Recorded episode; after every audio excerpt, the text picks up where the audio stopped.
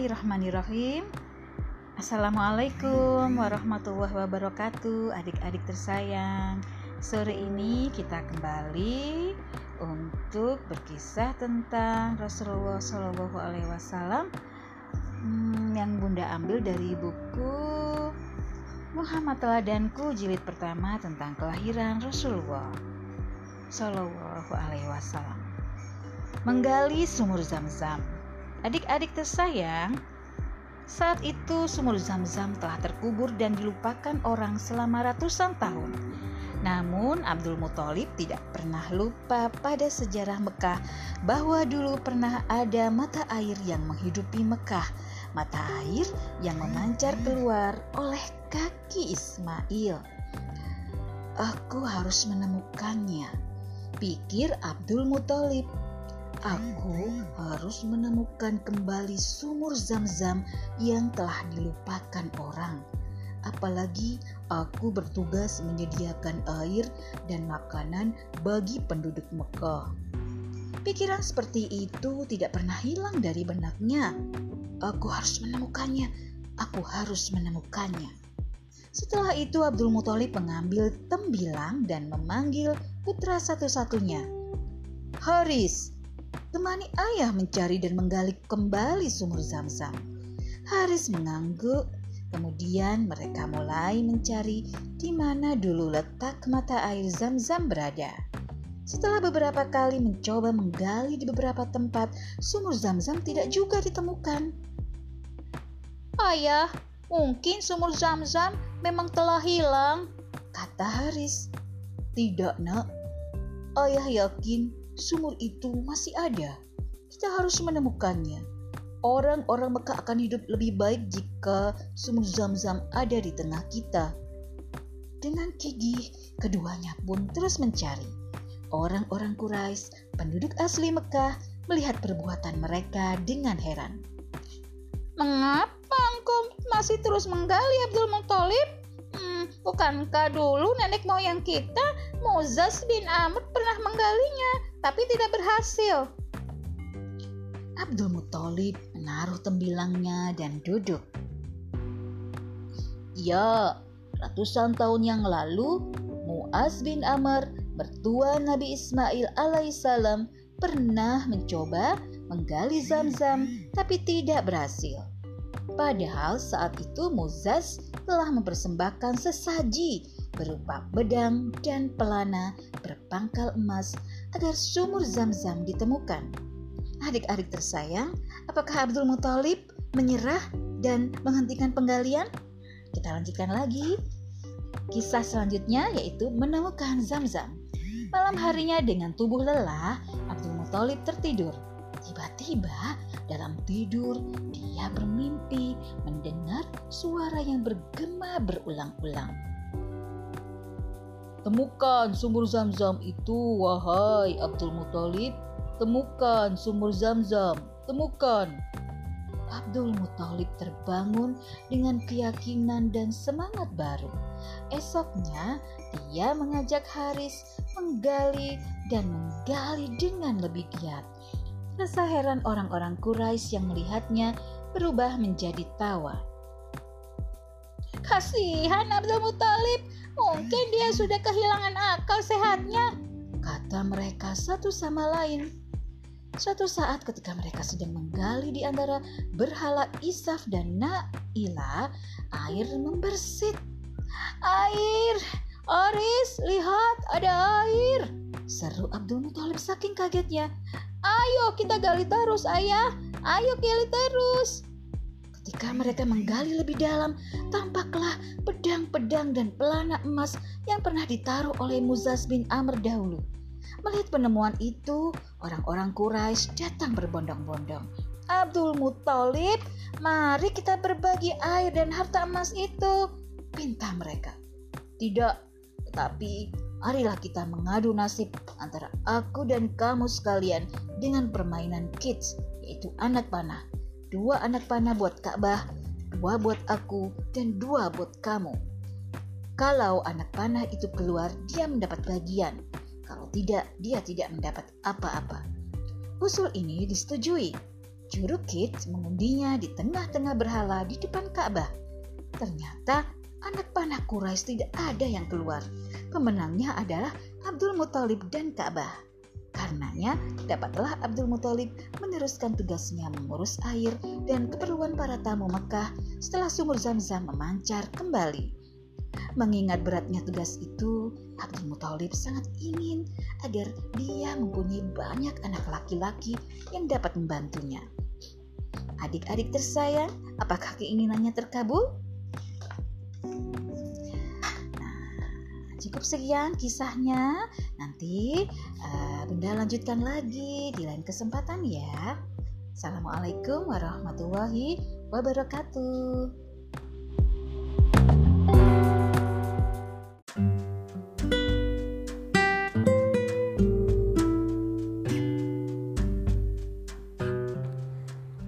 Bismillahirrahmanirrahim Assalamualaikum adik-adik Petang ini kita lanjutkan lagi ya di kisahnya dari buku Muhammad Teladanku jilid pertama tentang kelahiran Rasulullah. Uh, Bismillah bernazar. Adik-adik tersayang Abdul Muthalib bernazar. Kalau saja aku mempunyai 10 anak laki-laki, kemudian setelah semuanya dewasa, aku tidak memperoleh anak lagi. Seperti ketika sedang menggali sumur zam-zam, maka salah seorang di antara 10 anak itu akan kusembelih di Ka'bah sebagai kurban untuk Tuhan. Ternyata takdir memang menemukan demikian, menentukan demikian. Abdul Muthalib akhirnya mendapat 10 orang anak laki-laki. Setelah semua anak berangkat dewasa, dia tidak lagi memperoleh anak. Dipanggilnya ke 10 orang anak itu, termasuk si bungsu Abdullah yang amat disayangi dan dicintainya. Aku pernah bernazar untuk menyembelih salah seorang dari kalian jika Tuhan memberiku sepuluh orang anak laki-laki. Kesepuluh anaknya terdiam. Mereka memahami persoalan itu. Mereka juga melihat kebingungan yang luar biasa di mata ayah mereka yang berkaca-kaca. Namun, aku tidak bisa menentukan Siapa di antara kalian yang harus kusembelih? Oleh karena itu, aku berniat memanggil juru kits untuk menentukannya. Di hadapan patung dewa tertinggi di Ka'bah, juru kits meminta setiap anak menulis namanya masing-masing di atas kits. Kemudian dia mengocok anak panah tersebut di hadapan berhala Hubal. Nama anak yang keluar adalah Abdullah. Melihat itu, serentak orang-orang Quraisy datang dan melarangnya melakukan perbuatan itu. Batalkan keinginanmu, Abdul Muthalib.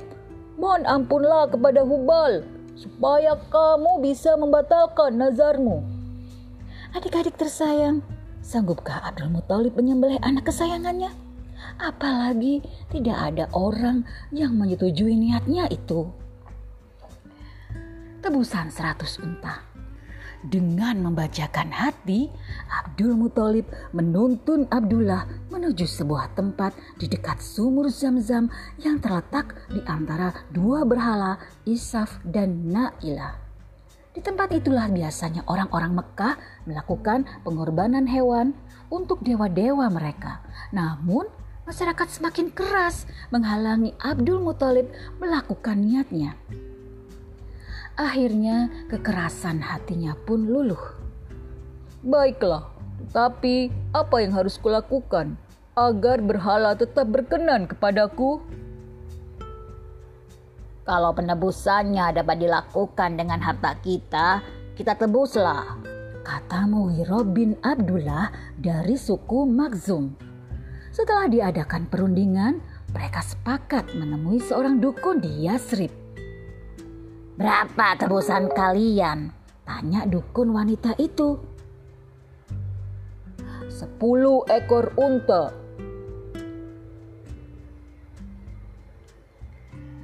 Kembalilah ke negeri kalian. Sediakan tebusan sepuluh ekor unta. Kemudian undi antara unta dan anak itu. Jika yang keluar nama anak kamu, tambahkan jumlah untanya. Kemudian undi lagi sampai nama unta yang keluar. Mereka pulang dengan lega dan segera mengundi dengan anak panah. Ternyata yang keluar adalah nama Abdullah. Mereka menambahkan tebusan unta dan mengundi lagi. Ternyata lagi-lagi nama Abdullah yang keluar. Demikianlah adik-adik tersayang, Abdul Muthalib menambah dan menambah terus jumlah untanya. Ketika jumlah unta sudah mencapai 100 ekor, barulah nama unta yang keluar. Dewa sudah berkenan, seru orang-orang. Tidak, bantah Abdul Muthalib. Harus dilakukan sampai tiga kali. Akhirnya setelah tiga kali dikocok, yang keluar adalah nama unta. Seratus ekor unta itu pun disembelih dan dibiarkan begitu saja tanpa disentuh manusia dan hewan karena mereka beranggapan bahwa unta itu untuk dewa mereka.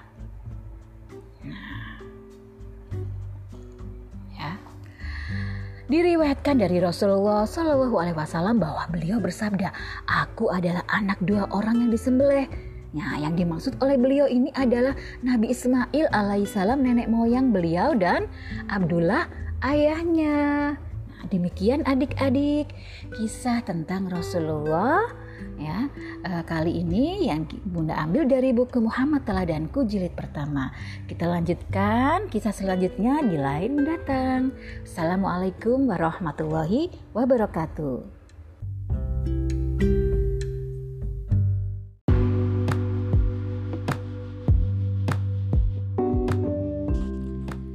Bismillahirrahmanirrahim. Assalamualaikum adik-adik tersayang. Kita lanjutkan lagi ya kisah tentang Rasulullah Yang diambil dari buku Muhammad Teladanku Jilid pertama Kelahiran Rasulullah. Kita sudah sampai di bab si penguasa zaman Ya Yaman Yaitu Raja Abroha ya. Baik Bunda mulai ya. Bismillahirrahmanirrahim. Si penguasa Yaman Adik-adik tersayang, saat Abdul Muthalib memimpin Mekah, ada sebuah peristiwa dahsyat. Kejadian ini bermula dari Yaman, sebuah negeri yang terletak jauh di sebelah selatan Mekah. Saat itu, Yaman diperintah oleh seorang penguasa bernama Abroha al-Ashram. Aku tidak habis pikir Mengapa setiap tahun seluruh bangsa Arab datang ke tanah Mekah? Seru Abroha kepada para menterinya. Paduka tahu di sana ada sebuah bangunan bernama Ka'bah. Bangunan tua itu begitu disucikan oleh penduduk jazirah Arab sehingga mereka tidak dapat berpaling darinya. Ke sanalah mereka pergi beribadah, menyembah para dewa sepanjang tahun. Jawab salah seorang menteri. Apa istimewanya bangunan tua yang terbuat dari batu kasar itu? Aku ingin negeri kita Yaman mempunyai sebuah rumah suci juga. Sebuah rumah suci yang akan dikunjungi seluruh orang dari penjuru jazirah. Sebuah rumah suci yang akan membuat bangunan tua di Mekah itu menjadi tidak berarti lagi dan dilupakan orang. Hahaha. Namun, apa mungkin kita bisa membuat rumah suci baru yang bisa menandingi Ka'bah? Mengapa tidak buat sebuah gereja yang sangat indah?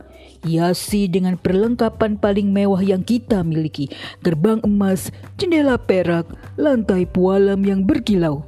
Semuanya Kerahkan seluruh ahli bangunan. Aku ingin gereja itu selesai dalam waktu singkat. Tidak lama kemudian, berdirilah sebuah gereja seindah yang diinginkan. Abroha, sang penguasa Yaman itu mengunjunginya dengan rasa puas. Lihat, tidak lama lagi seluruh orang Arab akan datang ke sini, kata Abroha kepada bawahannya. Bahkan orang-orang Mekah akan melupakan rumah tua mereka begitu melihat bangunan seindah ini katanya. Benarkah demikian adik-adik tersayang? Penyerbuan Ternyata apa yang diharapkan Abroha tidak terjadi. Orang-orang Arab sudah sangat mencintai rumah purba Ka'bah sehingga mereka tidak dapat berpaling ke rumah suci lain betapapun indahnya bangunan itu dibuat. Orang-orang Arab merasa ziarah mereka tidak sah jika tidak mengunjungi Ka'bah. Bahkan penduduk Yaman sendiri tidak mengindahkan rumah suci baru itu. Seperti biasa mereka tetap berbondong-bondong berziarah ke Mekah. Tidak ada jalan lain. Geram Abroha. Gerakan pasukan gajah kita. Serbu dan hancurkan Ka'bah. Aku sendiri yang akan memimpinya. Jika bangunan tua itu hancur dan rata dengan tanah, orang-orang Arab tidak akan punya pilihan lain selain datang ke tempat kita. Adik-adik tersayang, sang penguasa Yaman memang ditakuti orang karena pasukan gajah yang dimilikinya.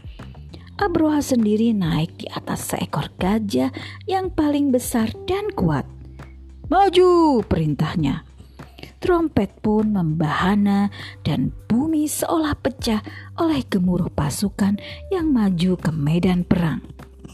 Mendengar keberangkatan pasukan ini untuk menghancurkan Ka'bah, penduduk Jazirah Arab terkejut bukan kepalang. Walaupun tahu pasukan Abroha begitu kuat, jiwa kepahlawanan orang-orang Arab menjulang di hadapan musuh. Zunafar, seorang bangsawan Arab, mengerahkan masyarakatnya untuk menahan gerak maju Abroha. Akan tetapi, dia dikalahkan dan ditawan. Nufail bin Habib al-Khatami memimpin pasukan kabilah Syahran dan Nahis. Nahis. Namun, dia juga dikalahkan dan dijadikan penunjuk jalan pasukan Abroha. Adik-adik tersayang, apa yang akan dilakukan Abdul Muthalib ketika mendengar sebuah pasukan besar datang menuju negerinya untuk menghancurkan rumah suci Ka'bah? Hmm. Untuk mengetahui kisah selanjutnya yaitu penyerbuan Raja Abroha ke Ka'bah, kita lanjutkan di lain kesempatan ya. Assalamualaikum warahmatullahi wabarakatuh.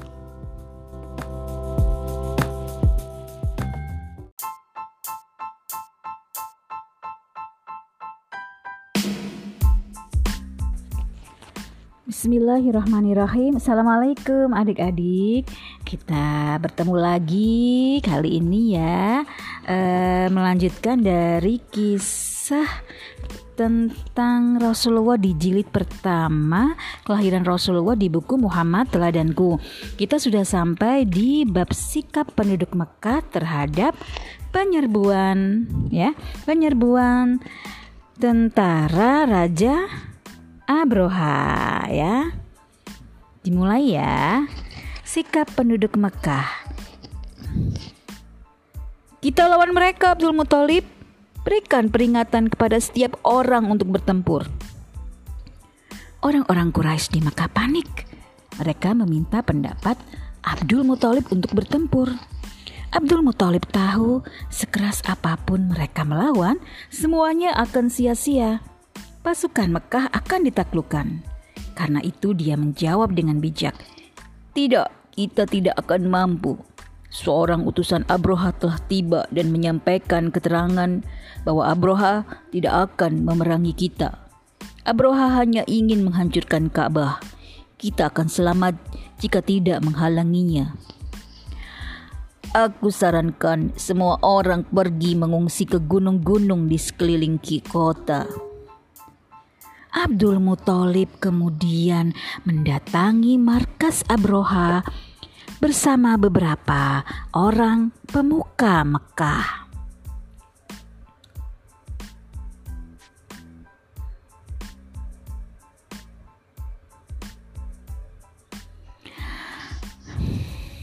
Kembalikan unta-unta kami yang dirampas pasukanmu, kata Abdul Muthalib kepada Abroha. Akan ku kembalikan unta-unta itu. Apakah ada hal lain yang kau minta? Tanya Abroha. Urungkan niatmu untuk menghancurkan Ka'bah. Jika engkau mau, kami akan berikan sepertiga harta dari daerah Tihama yang subur. Abroha menggeleng. Tidak, kalau begitu, kami serahkan pengamanan Ka'bah kepada Tuhan pemilik Ka'bah. Jawab Abdul Muthalib lalu dia pergi. Adik-adik tersayang, kini kota Mekah kosong melompong. Penduduknya telah mengungsi. Jalan lebar terbuka bagi Abroha untuk menghancurkan Ka'bah yang letaknya sudah di depan mata. Siapakah yang mampu menghalangi kekuatan sebesar itu? kehancuran Abroha. Adik-adik tersayang, Allah lah yang melindungi rumah sucinya. Ketika pasukan Abroha bergerak mendekat, gajah Abroha tiba-tiba berhenti. Sekeras apa pun Abroha memukulinya, gajah itu tetap duduk, tenang, bahkan akhirnya berusaha berjalan kembali ke arah Yaman. Maju, maju, apa yang terjadi padamu? Bentak Abroha pada tunggangannya. Dalam berbagai medan pertempuran, belum pernah kamu mengecewakan aku seperti ini. Kamu bahkan tampak ketakutan. Apa ada apa sebenarnya ini? Paduka, ada yang datang dari arah laut. Teriak seorang prajurit sambil menunjuk-nunjuk panik. Saat itulah dari arah laut Allah mengirim kawanan burung yang kepakan sayapnya menutupi sinar matahari seperti iringan awan mendung yang bergerak cepat. Burung-burung itu menjatuhkan batu-batu menyala ke arah pasukan gajah. Dengan panik, setiap orang berusaha menyelamatkan diri, tetapi sia-sia semua orang mati kecuali Abroha yang berhasil kembali ke Yaman. Peristiwa penyerbuan tentara bergajah ini sangat luar biasa adik-adik. Ya, sangat luar biasa. Maka tahun ini diberi nama Amulfil yang artinya tahun gajah. Peristiwa ini Allah abadikan dalam surat Al-Fil.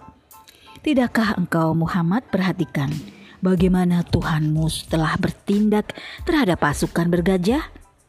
Bukankah dia telah menjadikan tipu daya mereka itu sia-sia?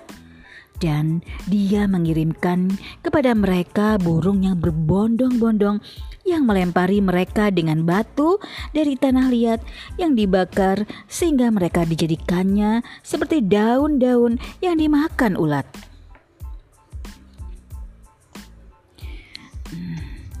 Nah, berikutnya kita sampai kepada silsilah Nabi Muhammad Sallallahu Alaihi Wasallam. Adik-adik tersayang,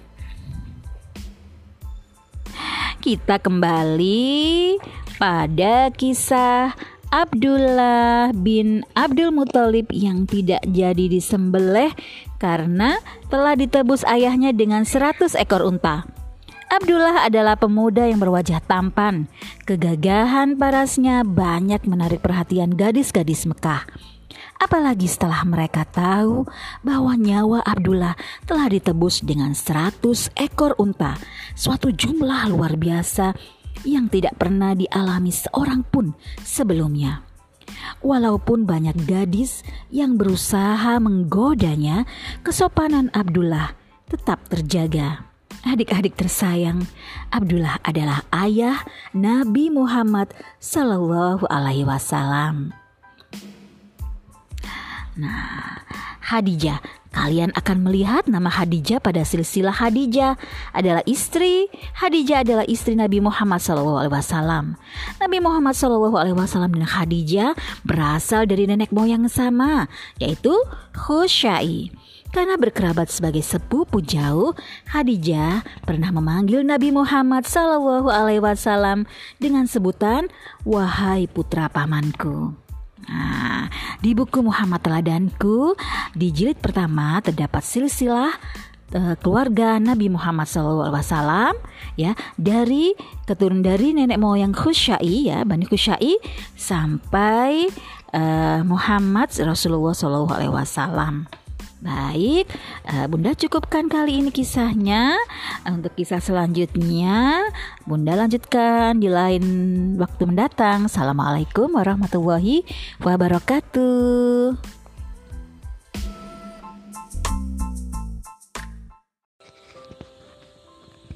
Bismillahirrahmanirrahim. Halimah. Ketika Halimah dan Haris kembali ke rombongan, mereka melihat semua kawan mereka telah mendapatkan bayi untuk dibawa pulang dan disusui. Melihat itu, Halimah berkata kepada suaminya, "Demi Allah, aku tak ingin mereka melihatku pulang tanpa membawa bayi. Demi Allah, aku akan pergi kepada anak yatim itu dan mengambilnya." Tidak salah kalau engkau mau melakukannya. Semoga Allah Subhanahu wa taala memberi kita keberkahan melalui anak yatim tersebut. Begitulah adik-adik tersayang. Akhirnya Halimah dan suaminya kembali menemui Aminah dan membawa Muhammad ke dusun mereka.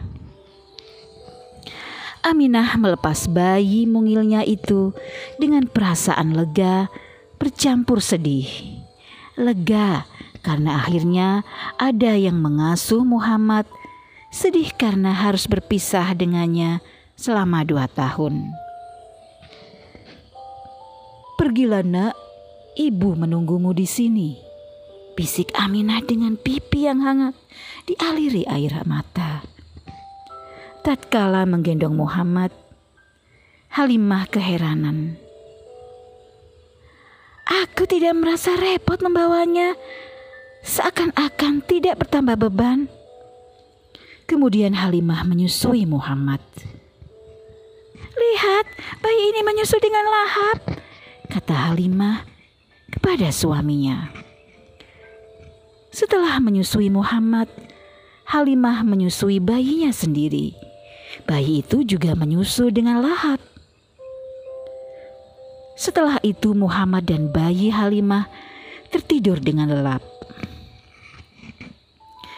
Anak kita tidur dengan lelap, bisik Halimah kepada suaminya. Padahal sebelumnya kita hampir tidak bisa tidur karena ia rewel terus sepanjang malam. Malam itu Keduanya bertambah heran karena unta tua mereka ternyata kini menghasilkan susu.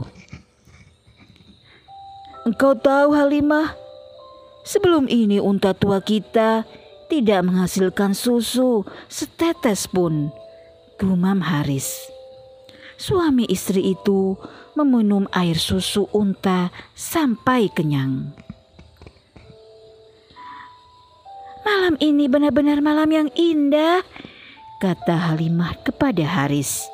Bayi kita tertidur lelap dan kita pun bisa beristirahat dengan perut kenyang. Demi Allah, tahukah engkau Halimah? Engkau telah mengambil anak yang penuh berkah. Demi Allah, aku pun berharap demikian. Keberkahan. Keberkahan yang dibawa Muhammad kecil tidak berhenti sampai di situ. Adik-adik tersayang, dalam perjalanan kembali ke dusun Bani Saat, kembali terjadi hal yang mengherankan. Suamiku, tidakkah engkau melihat terjadi hal yang aneh pada keledai tungganganku? Tanya Halimah. Saat kita pergi, keledai ini berjalan pelan sekali. Haris menanggapi. Tapi kini ia dapat berjalan cepat, seolah tak kenal lelah.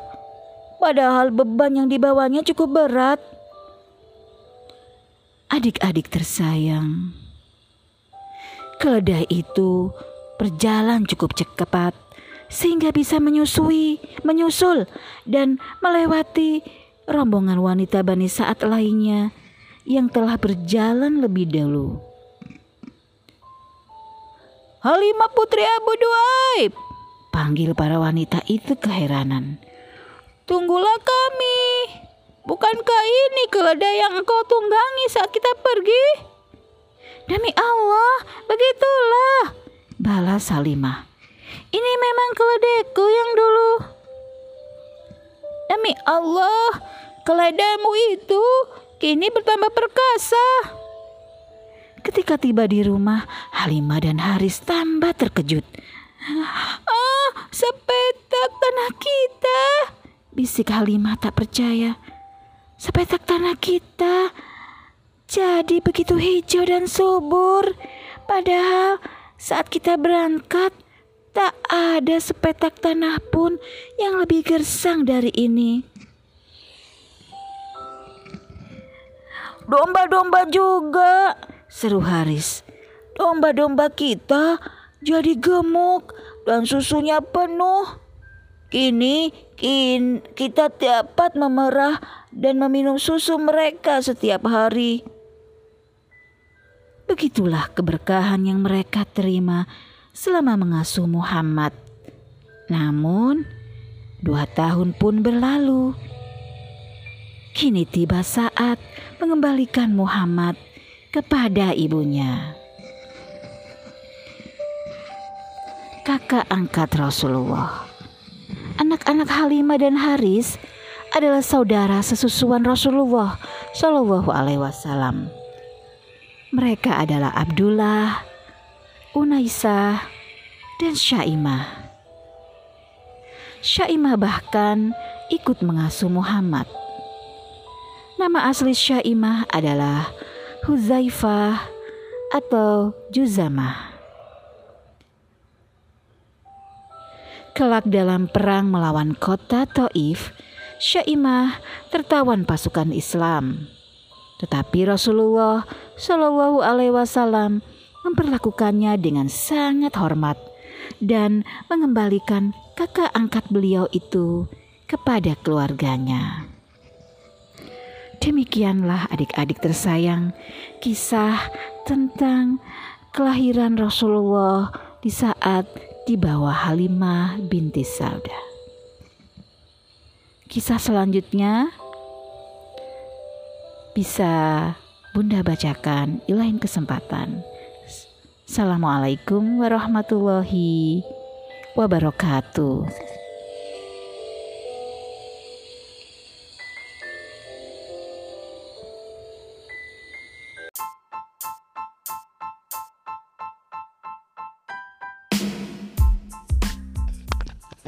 Bismillahirrahmanirrahim.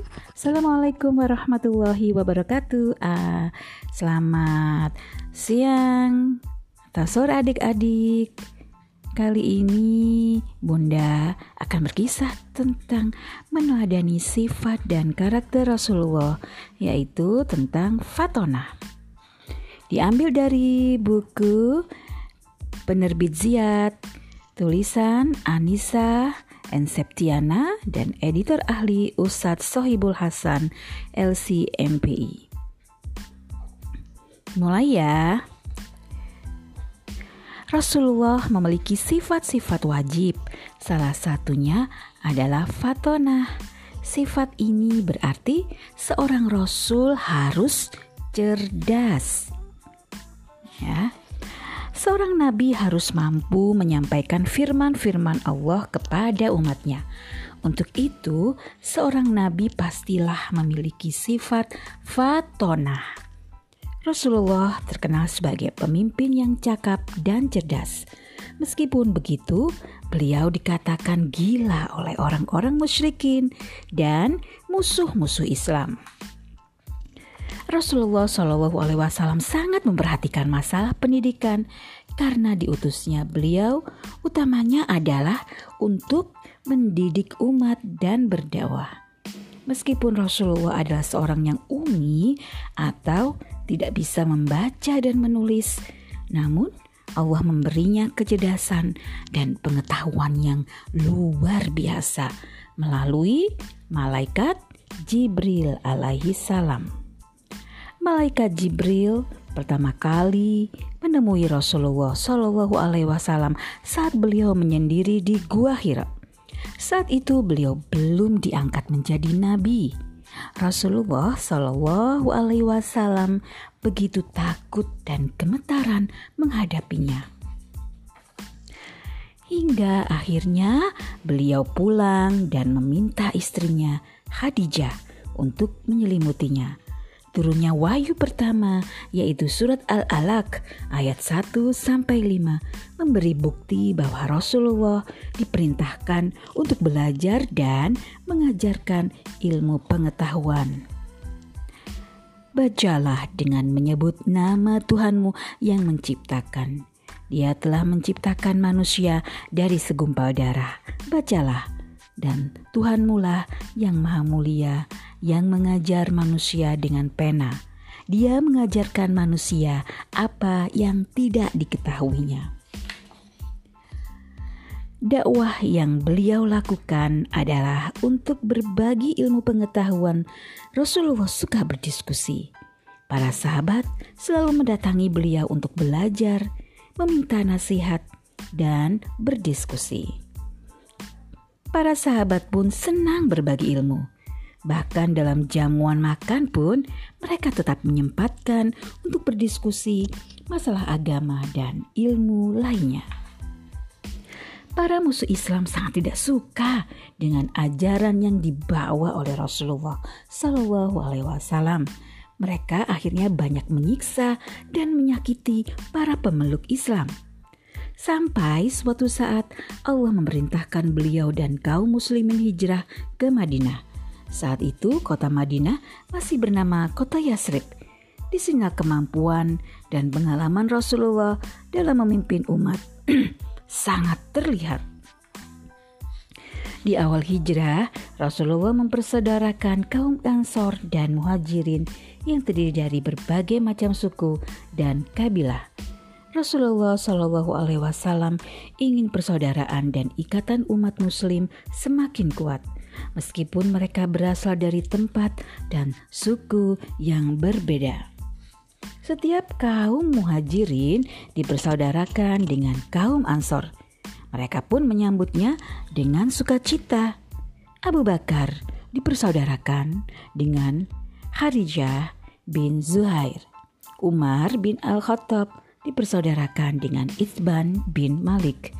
Abu Ubaidah dengan Sa'ad bin Mu'az Zubair bin Awam dengan Salamah bin Salamah bin Waksi dan Ali bin Abi Thalib dipilih Rasulullah Shallallahu Alaihi Wasallam menjadi saudara beliau.